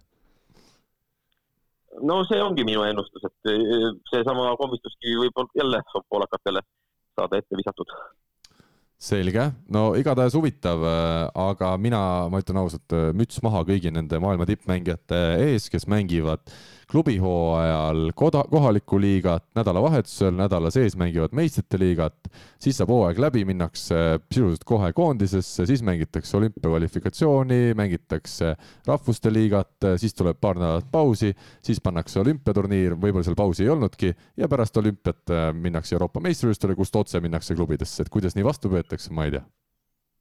Rene ka ei tea ei tea, ei, ega ei peetagi ja kõva, kõva möll on selle ümber olnud ka, et eks nüüd on ju noh, hetkel on see teema ka sellepärast, et eelmine aasta olümpia jäi ära, on ju, et see ei pidanud niimoodi kokku langema, et see on ühe niisugune eriline aasta igatepidi, et aga, aga see mängude graafika, see arv, et isegi olles aast-, paar aastat tagasi veel Hatovis, kus me osalesime kõikides sarjades üldse, mis olid ja, ja Champions League'is edenesime päris kaugele, et see oli ikka, see oli ikka rets, noh, see oli väga rets, trenni ei jõutudki teha põhimõtteliselt, et sul oli iga nädal kaks mängu, kogu aeg läks, läks, läks, läks, läks ja, ja mehed ju tulid ju äh, maailmameistriks tollel aastal suvel, noh, ja siis hakkaski minema. see Lazaret oli ikka väga kiire tulema ja, ja ei saanudki hooaja lõpuni jalga olla põhimõtteliselt. no eks seal tuleb no mul on selline hetk, ennustus, et äh, kui nüüd algab see klubi hooaeg, siis sel klubi hooajal me näeme päris suures koguses äh, erinevaid vigastuspause. jah, täpselt, ma just Need ei tahtsin pruugi sama olla, suured asjad, aga väikesed pausid Ta- tekivad paljudel meestel. tahtsin öelda täpselt sama, mis Alar, et äh, mingi hetk kuskil seal november-detsember on see aeg, kus hakkab nagu minema, et sinnamaani võib-olla veel kuidagi see vorm püsib ära sinna novembri alguseni, aga kuigi täitsa võimalik, siis- hooaja alguses kantakse vist headele meestele natuke puhkust või? klubides. ega sa maksad heale mehele palka noh. mina mäletan oma Lubini esimest hooaega ja kõige esimene mäng oli meil kohe Rešovia vastu. Ja seal oli päris korralik ports mehi, kes olid vahetult enne seda maailmameistriks tulnud. ehk siis esimene kord, kui nüüd siin Poola järjestikused tiitlid võitis ja meie vastu mängis küll selline poolnaljakas punt, et staarmängijaid väga platsile ei pandud. olime uustulnukad, mäng läks küll Rešoviale, aga mitte sugugi väga kindlalt. ja siis järgmise nädala said nad veel puhkust, aga sellega ka asi piirdus, siis tuli jälle põhikoosseis platsile ja ja see puhkuseaeg, kuna kõik tulemused on ikkagi väga selgelt arvel ja, ja ka meistrite liiga algab üsna kiiresti, siis see on nädalates see puhkus, mitte niimoodi, et me nüüd jõuludeni laseme nendel meestel kosuda ja uuesti vormi taastada. aga paraku me peame tulema nüüd ka selle teema juurde, et äh, mitte ainult pärast suuri võistlusi ei või mehe, mehi, suuri mehi vigastused tabada, vaid ka juba enne suurturniiri ja meie koondise kapten siis neljakümne kahe aastane Gert Toobal on põlvega ikkagi sedavõrd äh, suures hädas, et äh, tema Euroopa meistrivõistluste finaalturniiril ütleme koht, mis oleks olnud väga ilus koondise karjääri punkt meie legendaarsele kaptenile, jääb nüüd siis see punkt sellel moel vähemalt panemata. Gert äh, jääb Euroopa meistrivõistluste finaalturniirilt eemale. Rene, kui, kui raske see uudis oli kogu koondisele? ma alustaks sellest, et kahjuks tuleb tunnistada, et see ei ole mingisugune maailma kõige suurem üllatus ja mitte ainult sellepärast, et tal juba esimeses tsüklis, mis tuli välja küll, et probleem oli juba varem olemas, aga seal ta lõi tugevamini välja, ei ole minu jaoks paraku üllatus, kuna, kuna jah, et äh, siin ikkagi pannakse, ütleme, ühe puuga kõigile, et oled sa nelikümmend kaks või sa oled kakskümmend kaks, vahet ei ole, et äh, koormused on suured ja, ja eks, eks neid hädasid, muresid on meil kõigil, ka, ka mul endal, mis põlv, noh, näiteks, et niisugust asja mul ei ole mitte kunagi olnud, et nüüd on, et et pigistatakse kõvasti välja ja, ja see selles mõttes käib asja juurde, noh, teisest küljest, kui sa tahad midagi saavutada, siis sa peadki panema läbi tule ja vee, et et see on ka mõistetav, aga, aga jah äh,, Gerdi puhul jah, paraku natukene võis seda ette, ette nagu karta ka, et et ta osales kõikidel treen-, treen-, treeningutel nagu, nagu kõik teised ja, ja ja ju siis kuskilt andis ikkagi midagi järgi, et ta ise küll ütles, et ta mingit konkreetset momenti ei tundnud, aga, aga aga jah, ütleme pilt on ikkagi selline, et siin tuleb, siin tuleb paus ette võtta, midagi, midagi üle ei jää. Alar, kuidas, kuidas sellele kõigele sina järele või tagasi vaatad? No minul on ikkagi võrreldes teiste inimestega nagu topeltkurbus ju, Mhm. et äh, Gert on ikkagi lisaks äh, koondise sidemängijale ka Bigbank Tartu meeskonna sidemängija, mis tähendab seda, et äh, üks asi, ta ei saa aidata Eesti koondist kodusel EM-finaalturniiril, teine asi see, et klubina oleme väga, väga raskes seisus, et äh, mis, mismoodi ja milliste sidemängijatega, kellega me hooaega alustame. ja Gert juba jah, homme hommikul on operatsioonilaual ja loodetavasti läheb see hästi, saab hakata taastuma, aga see tagasituleku aeg keeruliselt ennustatav ja, ja noh, nii koondis, siin on juba teada, et uued mehed peavad selle rolli välja kandma, aga ka siis klubi osas paras segadus. ja, ja tõsi ta on, et, et võib-olla jah, sellises vanuses äh, niisugust vatti see keha ära ei talunud ja, ja noh, tuleb siis panustada ja loota nendele noorematele sidedele koondises. no mul tuleb siin lihtsalt see võrdlusmoment, et ega Argo Arak ja Kaarel Kais püsivadki vist sellepärast vormis, et nad teevad trenni hästi targalt ja pigem vähem kui, kui rohkem alati, et sellises eas vist jah, peab olema väga ettevaatlik kogu selle kehaga, ega kunagi ei tea ka, isegi kui sa väga midagi ei tee, ikka võib mingi vigastus välja lüüa. Rivo on sarnases vanuses. Argo Arak ja Kaarel Kais mängivad Eesti rannavoole meistrivõistlusi. Karl, sa lähed väga valet teed praegu. me räägime tõsisest asjast, kuidas on Eesti koondise kapten on vigastatud, Allil on mure ja sina hakkad rääkima mingist asjast, mis on nagu üldse. mina ei tee üldse trenni, mul ei valuta mitte midagi jah, nii ta on, aga kui suur asi see nüüd Eesti koondise osas on, kui palju peab mängu muutma, esimene küsimus. Rene, kas te olete trennis juba teinud mingeid selgeid muudatusi seoses sellega, et Gert ei ole? jah, selles mõttes selge muudatus on see, et Markus Keel on tagasi, tagasi laagris ja tuleb tunnistada, et väga positiivselt üllatus kohe esimene trenn, et ma isegi julgeks väita, et ta on parem või oli vähemalt parem kui, kui eelmises suvepooles, et äh, eks me kõik huviga ootasime, mis sealt tulema hakkab, aga tuli väga hästi, ma ütlen, et, et eks, eks ta tuleb äh, nii-öelda, ta peab targalt käituma, selles mõttes just see, just see füüsilise pool ja jõusaal, et me oleme ikkagi tast siin kolm nädalat ees, meil on see raske töö on nagu tehtud, et äh, esiteks tal tuleb see keha natukene kuidagi, ütleme, võrkpalli vormi saada, mis nagunii nagu selles mõttes su lihased ja asjad ikkagi nagu muutuvad puisemaks selle ajaga, kui sa ei mängi seda palli konkreetselt, et et seal ta peab olema nii-öelda tark ja ettevaatlik ja pigem jah, full, full rõhk nii-öelda ikkagi pallisaalis ja ja eks siin natuke sai eile juba naerda ka, et päris, päris valus ja kange oli tal olla juba, et et see käib asja juurde, aga, aga jah, Markus on meil kohal ja ja ega mis, mis muus osas ju midagi sa ei muuda selles mõttes, et nüüd on äh, nüüd on jah, äh, meil on kolm, kolm noort meest ja, ja kamba peale nad peavad selle nii-öelda tüki ära tegema, et äh, ma arvan, kõige suurem või kõige olulisem asi ongi see, et keegi nüüd ei hakkaks tundma, et ta peab siin maailmapäästja olema, vaid vaid äh, andmagi endale aru, et turniir on pikk ja, ja kui ei tule üks päev välja, siis, siis tuleb, aitab sõber ja, ja täiesti vabalt võib vastupidi olla juba järgmises mängus, et see on see oluline märksõna ja, ja eks nad visatakse suhteliselt kiiresti vette ja, ja kui oleks see Gert näiteks olnud seal pundis, siis, siis loomulikult pinget võib olla vähem, sa tead, sul on seljatagune olemas. Gert kas või tuleb, teeb mängus mingisugused paar, paar niisugust tähtsat liigutust, tõstab õigel ajal õigesse kohta, mis iganes, et Gertil kvaliteet ilmselgelt oli endiselt ja, ja ja ega, ega ei olegi midagi, et suures pildis natuke muutus küll jah, aga, aga ma usun, et äh, päris hea karastus noortele meestele nüüd.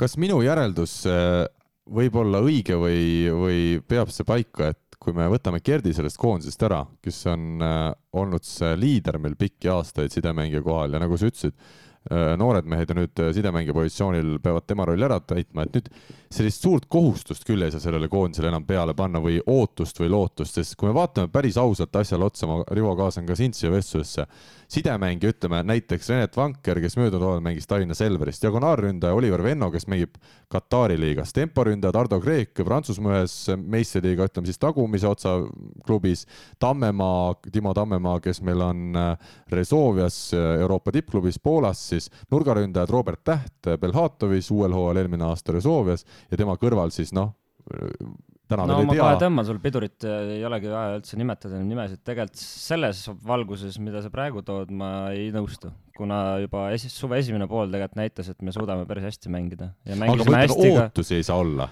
mingeid suuri ootusi, kui sa vaatad meeste no me ise küll ootame ja loodame selles mõttes seda kindlasti, seda on rõõm kuulda. ma ütlengi, et me näitasime tegelikult kvaliteeti ja, ja samamoodi kas või see Türgi poolfinaal kuldliigas, me ise soperdasime ära selle. ei olnud see, et okei okay,, jah, Türgi natuke korrigeeris oma mängu, üks mees lasti hulluks aga sellegipoolest ma, ma julgen väita, et me andsime selle mängu ära ja kui ma vaadata nüüd, oota, ma lõpetan. ja kui nüüd vaadata, mis toimus finaalis, siis noh, oleks poleks, okei okay,, vahet ei ole, aga meil oli tegelikult väga suur võimalus see turniir võita. aga see, kui sa annad mängu suurest edusõidust käest ära, see on ka taseme näitaja, ma olen nõus, et me ei ole, ma, ei, ei, ei, see ei olnud sellepärast, see oli sellepärast, me võitsime kakskümmend viis, neliteist ja noh, kes tunnistab, kes ei tunnista, aga, aga ikkagi juba oldi mõtetes finaalis. Alar, kuidas sulle tundub, kas see koosseis, mis meil täna on, kui me vaatame mehi, vaatame koduklubisid, kas sealt on põhjust oodata näiteks kohta veerandfinaalis või on Eesti jaoks ikkagi selge edasi või äh, juba hea see, kui me saame alagrupist edasi? Äh, mina pean olema kindlasti su natuke selline provotseeriv küsimus, õnneks juba Rene õigesti reageeris, mina olen temaga samas paadis millal mängis Gert Toobal viimati Eesti koondises? Ei mänginud sel aastal ühtegi mängu ei mänginud eelmisel aastal ühtegi mängu. ehk eh, me oleme juba kaks aastat ju toimetanud sellesama pundiga ja sugugi mitte kehvasti toimetanud. et me ei saa nüüd öelda, et eh, me ei pane endale ootusi peale EM-ile sellepärast, et Aavo Keel lõpetas aastal kaks tuhat neli koondise karjääri, et enam Aavo Keelt ei ole. see on ajalugu ja tänase seisus oleme kahjuks ka sellega arvestanud juba, et Kerti meil EM-il ei ole ja see on ka ajalugu täna. Ja meil tuleb nende meestega hakkama saada ja me oleme nende meestega hakkama saanud. ja nüüd sellest tulemusest rääkides, siis eh, noh, selge on see, et tulemuse eest vastutab peatreener. ülejäänud kõik vähemal määral. kui me alagrupist edasi ei saa, on see altminek. ja kui me kohamängudes edeneme, kas siis kaheksa hulka või veel rohkem, siis need kõik on väga positiivsed. kas just üllatused, aga väga positiivsed asjad, mida kaasa võtta. Eesmärk number üks on ikkagi oma tase välja mängida, ehk siis alagrupist edasi kohamängudele saada. Rivo? Äh, ma arvan ka, et siin ei tasuks hakata mingisuguseid järeldusi ja maailma lõpu stsenaariumit siin panema, et äh, ma usun, et tänased sidemängijad, kes, kes meil on, noh, nad võib-olla mingites hetkedes natuke rohkem väristavad, aga, aga ega nad nüüd ei ole ka nüüd nii hullud, et ütleme, võtame näiteks neli aastat tagasi, oleks siis juhtunud Gerdiga midagi, siis meil oleks seis olnud törts kehvem, ma pakun. aga tänaseks on need mängijad juba saanud nii rahvusvahelist kogemust kui ka kui ka koondise kogemust, et ma arvan, et see on üsna, üsna okei okay seis. ma ei ütle mitte midagi muud kui lihtsalt seda, et kui me vaatame Euroopa tugevamaid riike, siis seal ju mängivad ainult absoluutsetes maailma tippklubides mängivad mehed. et äh, ütleme Eesti jaoks juba veerandfinaali pääsemine isegi Gert Toobaliga koos oleks täna ülikõva saavutus Euroopa võrkpallimaastikul. ei no igal, igal juhul oleks kõva saavutus jah, aga, aga et see, me ei saa oodata, et me ju pääseme veerandfinaali, et see ei ole kuidagi selline, noh, muidugi kõik tahavad saada, see, mul on hea meel kuulda, et Rene ütleb, et loomulikult nad lähevad väga kõrget kohta püüdma, aga kui me vaatame kõrvalt, mis on realistlik ootus sellele võistkonnale, siis alagrupist edasipääs ka selle koosseisuga võiks olla igal juhul. igatepidi, sest no millal me viimati võitsime EM-il, alustame sellest, viimast kaks EM-i me ei võitnud ühtegi mängu mm. -hmm et, äh, et see alagrupist edasipääs on reaalne selline ootus, mis on koondisele täna peale pandud ja mille täitmisel võib öelda, et Eesti on teinud enam-vähem oma, oma ära. edasi kõik on juba selline, et, et seal sõltub, kes vastu tuleb, seal võib juba kohe tulla väga kõva vastane. Eesti jaoks saabki EM läbi, aga kokkuvõttes ikkagi me tegime sellise oma enam-vähem tulemuse vastavalt ootustele ära ja, aga kui me, kui ma küsin otse näiteks Rene sinu käest ja Alar sinu käest, et äh, mis eesmärgi teie olete endale pannud?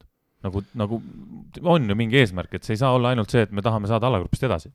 Äh, see eesmärk on sõnastatud peatreeneri poolt juba kevadel ja see on sõnastatud natukene teistmoodi, see ei ole seotud kohaga.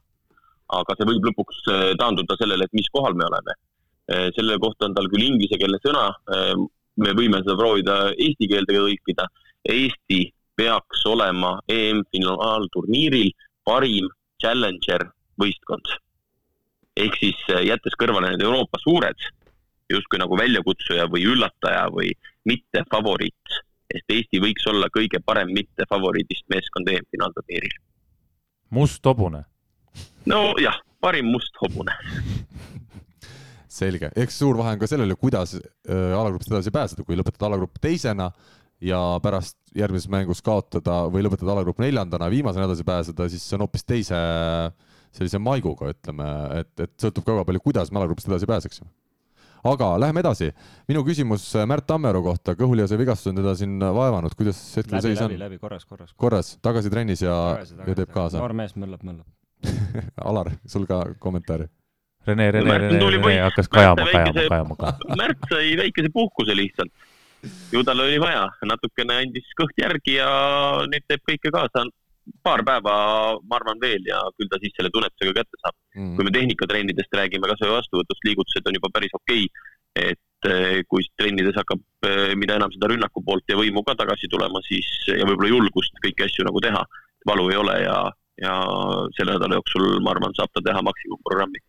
Rait Rikberg püsib veel põlvede peal? no tal on see eelis, et ta võib-olla põlvede peal või jalgade peal või tagumiku peal, ta peab seal maaligi mängima. et eh, maaligi olemiseks on nagu erinevaid variante ja, ja seni ta püsti püsib ja ringi kõnnib, küll mitte väga sirgelt ja korralikult, aga.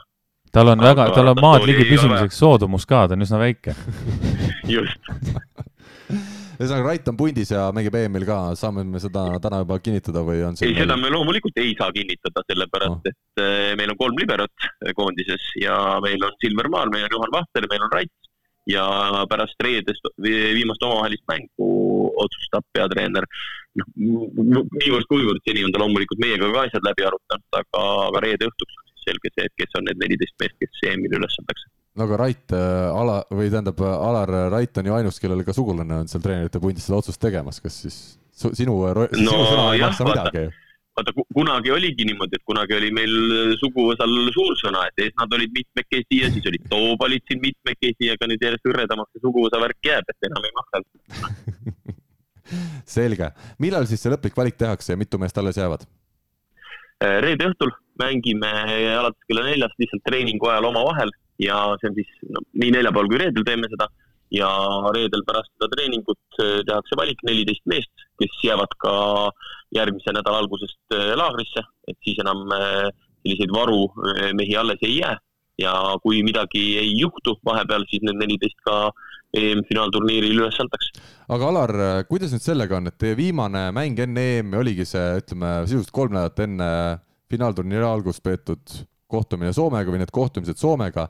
kuidas on võimalik mehed viia äkitselt äh, või tekitada neid äh, nii-öelda mängulisi momente treeningutel, et kui tulebki Saku Suurhall esimene september, Läti meile vastu, ütleme loodetavasti on seal täismaja, et kuidas need mehed siis selleks valmis on või on nad piisavalt mehed, et on niikuinii valmis? ei no selle jaoks on meil äh, järgmise nädala neljapäeval, reedel ja laupäeval veel kavas kolm mängu Hispaaniaga, mis toimuvadki Saku Suurhallis ja kus treeneri sõnum on juba mängijatele antud peatreeneri poolt, et need ei ole enam sõprusmängud mm.. see on juba sõda ja Hispaania vastu esimene mäng läheme me samasuguse häälestusega nagu esimese septembri õhtul kell seitse läheme Läti vastu. publikut ka lastakse saali? Ehm, ma jään sulle vastuse võlgu, arvan, et ei lasta mm.. selge. ühele mängule ju tegelikult võiks oleks tore. Äh, võiks ja see kolmas mäng on justkui meil nagu ametlik mäng, aga ma nüüd ei ole kindel, noh, seda peab arutama, et me ei ole omavahel rääkinud ja see võib-olla meil nagu meeskonna sees, me keskendume sellele võrkpallile, et alaliidus on teised inimesed, kes selle teise poolega, aga tõesti, üks mäng võiks teoreetiliselt olla, aga, aga ma ei tea neid protseduure, kuidas täpselt on, et kas saab üldse korraldada ja, ja kas sellel EM-il on isegi mingi eriluba või noh, selle poole pealt ma jään vastuse võlgu küll aga Alar, sa kindlasti tead, kuidas meie alagrupi kaaslased, kuidas nemad on valmistunud siin EM-iks. mina olen jälginud Läti alaliitu ja nemad siis mängisid äh, pärast neid kohtumisi Soomega nüüd Tšehhiga ja kaotasid kahel korral üks-kolm, mõlemad mängud suhteliselt kindlalt vähemalt numbriliselt ja nüüd äh, viimased mängud siis kakskümmend kaks, kakskümmend kolm august Kreeka vastu. Äh, kuidas meie teistel alagrupi kaaslastel see graafik on? No kõigepealt selle Läti esimene üks-kolm kaotus Tšehhile äh,. alustame kõigepealt sellest, et Soomet nad võitsid kaks korda, kolm-null ja kolm-üks äh,. siis, kui pandi varumehed sisse, viimasel päeval nad kaotasid, aga Soomest olid nad üle ja näitasid päris korralikku mängu äh,. Tšehhi vastu esimene mäng äh,, eks ta kärises nende diagonaalründaja Egleskaldi pealt. et oleks sealtki arvestatav panus, siis ma arvan, et noh, äh, lätlaste peatreener ütles, et neil oli seisust hoolimata selles mängus võimalus asi ümber keerata, et oma rumalused tervitused Sinabole ja, ja teine mäng tõesti oli natukene ühepoolsem.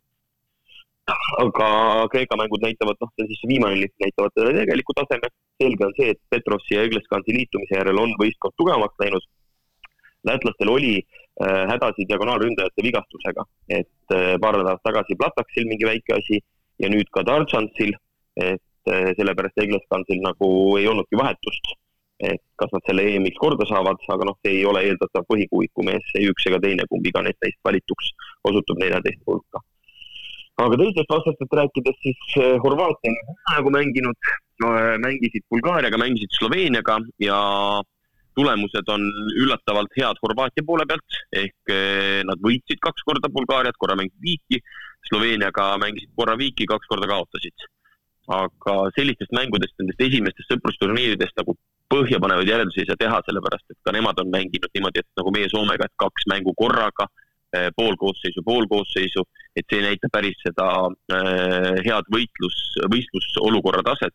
küll aga kasvõi nende tulemuste ja nende vastaste pealt vaadates, siis tundub, et Horvaatia eh, edetabeli koht, mis on nagu kõige nõrgem, ei näita nende tegelikku sisu, et EM-iks kindlasti paremas seisus kui nüüd Slovakkiast rääkida, siis Slovakkia mängis üsna hapu Euroliiga turniiri esimeses poole poolel, aga mängis ka väga naljaka koosseisuga, väga palju põhimehi oli puudu.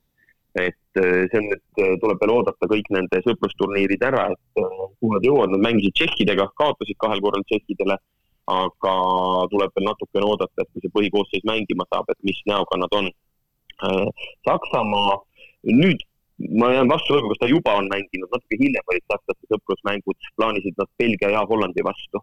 et eks sealt annab pildi ette ja, ja meil on nagu võistkondade statistikute vahel tehtud selline infovahetusgrupp. ma jään praegu vastu võlgu, prantslased ei ole sinna isegi midagi kirjutanud, ma arvan, et nemad võib-olla sõprusmänge ei peagi. Nad tegelevad rohkem puhkuse ja oma kuldmedali tähistamisega ja tulevad ja panevad nii-öelda vana olümpiarasva pealt. no selge, kas medalid kaelas tulevad, äh, olümpiamedalid kaelas tulevad nad äh, Tallinna lennujaama või, või nad on juba selle koju viinud vahepeal? no ma arvan, et ikka koju, eks nad tulevad siia uue medali järgi. millal need koondised üldse saabuvad siia, on info teada? Äh, info teada, aga saabumispäevad on erinevad, et kõige varem saabub Läti, sest et lätlaste mäng on varem kui teistel ja kaks päeva enne turniiri peaks olema Läti saabumise päev ja teistel siis üks päev hiljem. et tavaline saabumispäev on jah kaks päeva enne oma esimese mängu algust selge. Ehm, kas Eesti koondise osas on Rivol veel mõtteid, küsimusi, teadaandeid? Äh, ei ole, sooviks edu, siin meil kindlasti tuleb veel üks saade vahepeal ja me saame veel kord edu soovida, aga, aga, aga sooviks edu ja, ja et kõik, ikka rahvast saali lastaks, loodame. ja pileteid veel on, nagu ma aru saan, et minge ostke kiiresti, kui veel jagub selge, aga meie ütleme tänaseks siis äh, aitäh Alarile. Äh, me rohkem siin telefoni teel ei tülita, meil on üks teemaplokk veel võtta, aga et me hakkame rääkima taas äh, Rivo Meelisalast, kus on ka liiv seotud asjadega, siis ma arvan, et, et sul on seal hotellitoas ilmselt targemat teha. ja ma hakkan trenni sättima varem kaugus, kaugushüppest hakkame rääkima nimelt kaugus ja kolmikhüpe e. edu teile kaugushüppega aitäh, Alar ja ilusaid treeninguid siis koondisele. aitüma.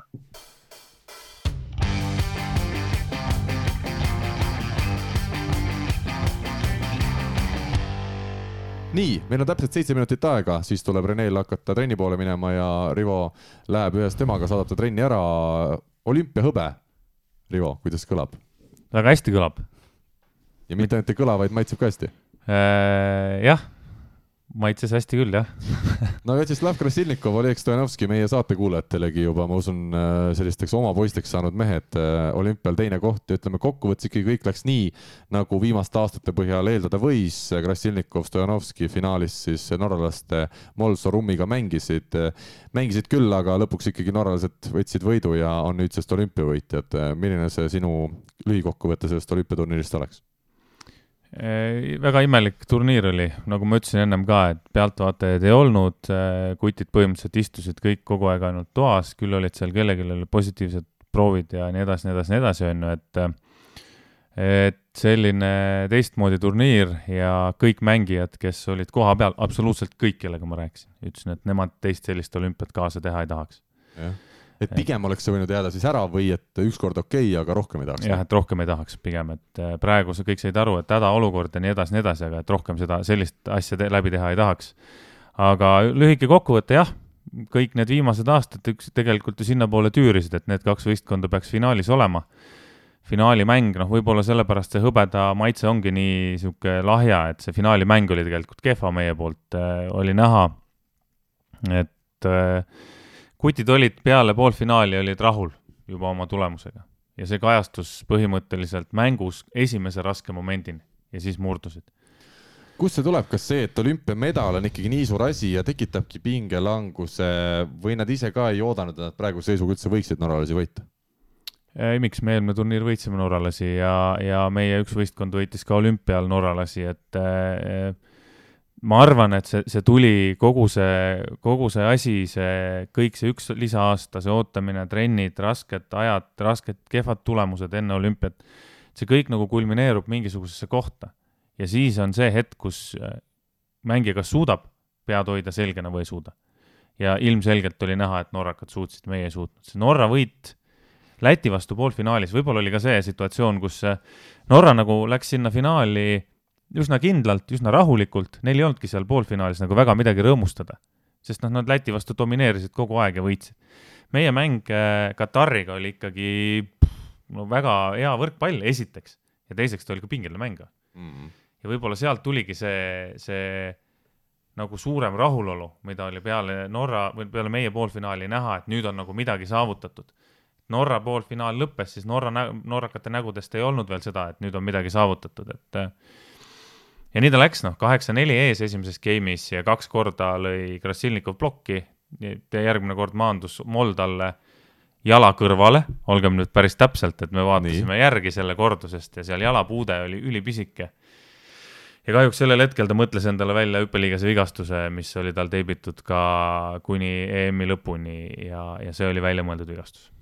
tõsiselt ka? jah, see oli psühholoogiliselt, psühholoogiliselt murdus ära lihtsalt, kõik ta leidis lihtsalt endale lihtsama, lihtsama tee, kuidas saada see koormus maha. leidis endale vabanduse, miks kaotada mäng. seda juhtub spordis, noh, see on, selliseid situatsioone on ja, ja, ja see, seda juhtub. Ähm, noh, kahju, et see, kahju, et see nagu sellisel hetkel juhtus, et äh, me küll lootsime viimase hetkeni, et see ei olnud nii, et ta sai haiget, aga, aga enda südametunnistuse pealt me vaatasime, zoom isime ja, ja kõikide kaameranurkade alt, mis saime ja seal puude oli nii väike, et noh, seal, seal ei saa olla lihtsalt aga arsti juures käisite? arsti juures kõik, kõik tehti ära, ei ole mitte midagi, noh, paistetust mitte midagi ei ole, et äh, see oli pea psühholoogiline vigastus, et. See, ja seepärast ma ütlen, et see, see on see tunne, jah, olümpiahõbe, jube äge on ju, jube kihvt. Ja nagu ma saate algul ütlesin, ma tegin enda jaoks täna selle viimase viie aasta kokkuvõtte ja see üks põhjus oli see, et leida nagu rohkem positiivset. et see olümpiahõbe on väga hea tulemus, aga kuidas see tuli?